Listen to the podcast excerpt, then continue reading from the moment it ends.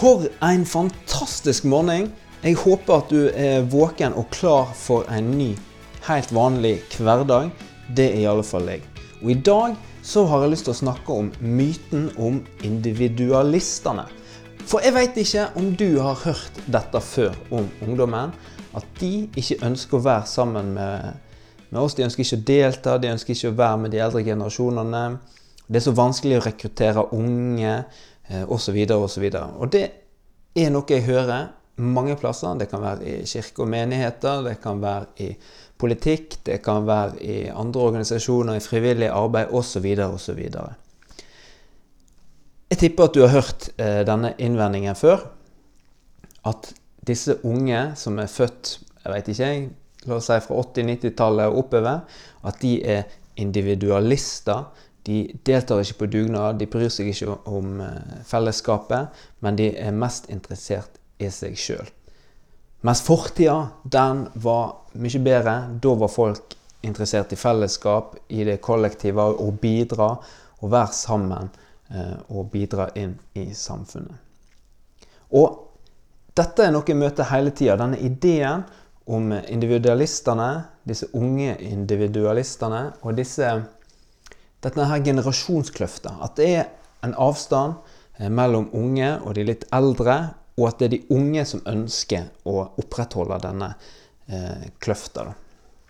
Men for ikke så veldig lenge siden så ble det lansert eh, en artikkel som heter 'Generasjonskløfta som forsvant'. Og den artikkelen viste at de unge er faktisk ikke interessert i at det skal være noe kløft mellom eh, generasjonene. De ønsker å være sammen med eldre og være sammen med folk fra flere generasjoner. Og For en liten stund tilbake igjen så satt jeg på en folkehøgskole i en sofa og bare så rundt meg hvordan disse unge hjalp hverandre. De vaska hverandres rom, de tilbydde seg eh, ditt og datt. De delte ut sjokolade, de delte ut det de hadde.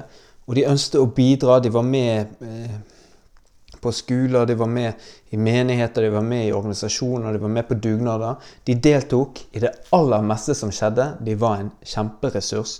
De var absolutt ikke individualister. Så hvorfor snakker vi da om generasjonskløfter fremdeles? Hvorfor snakker vi om at unge er så individualistiske og egoistiske? Hvorfor snakker vi om det?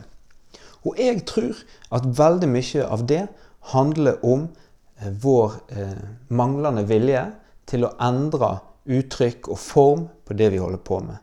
Fordi de unge de ønsker å bidra, men de ønsker òg et uttrykk som de kan kjenne seg igjen i.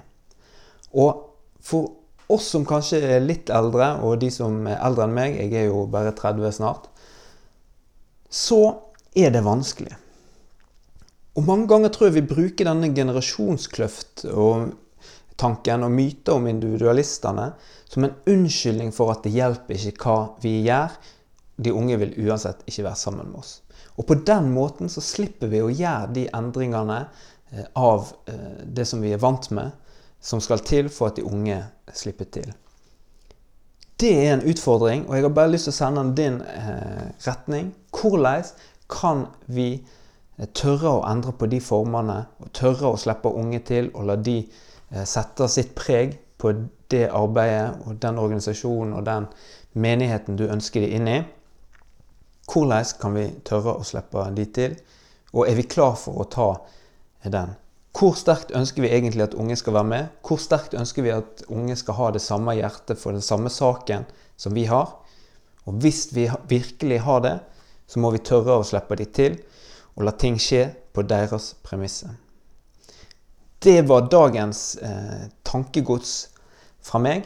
Eh, jeg håper at du tør å reflektere over det. Og hvis du er uenig eller enig eller du syns det er spennende, så vær så snill, bare ta kontakt. Du kan gjerne dele òg og i hele tatt. Så kan vi snakke videre om det her. Ha en nydelig dag videre. Vi snakkes.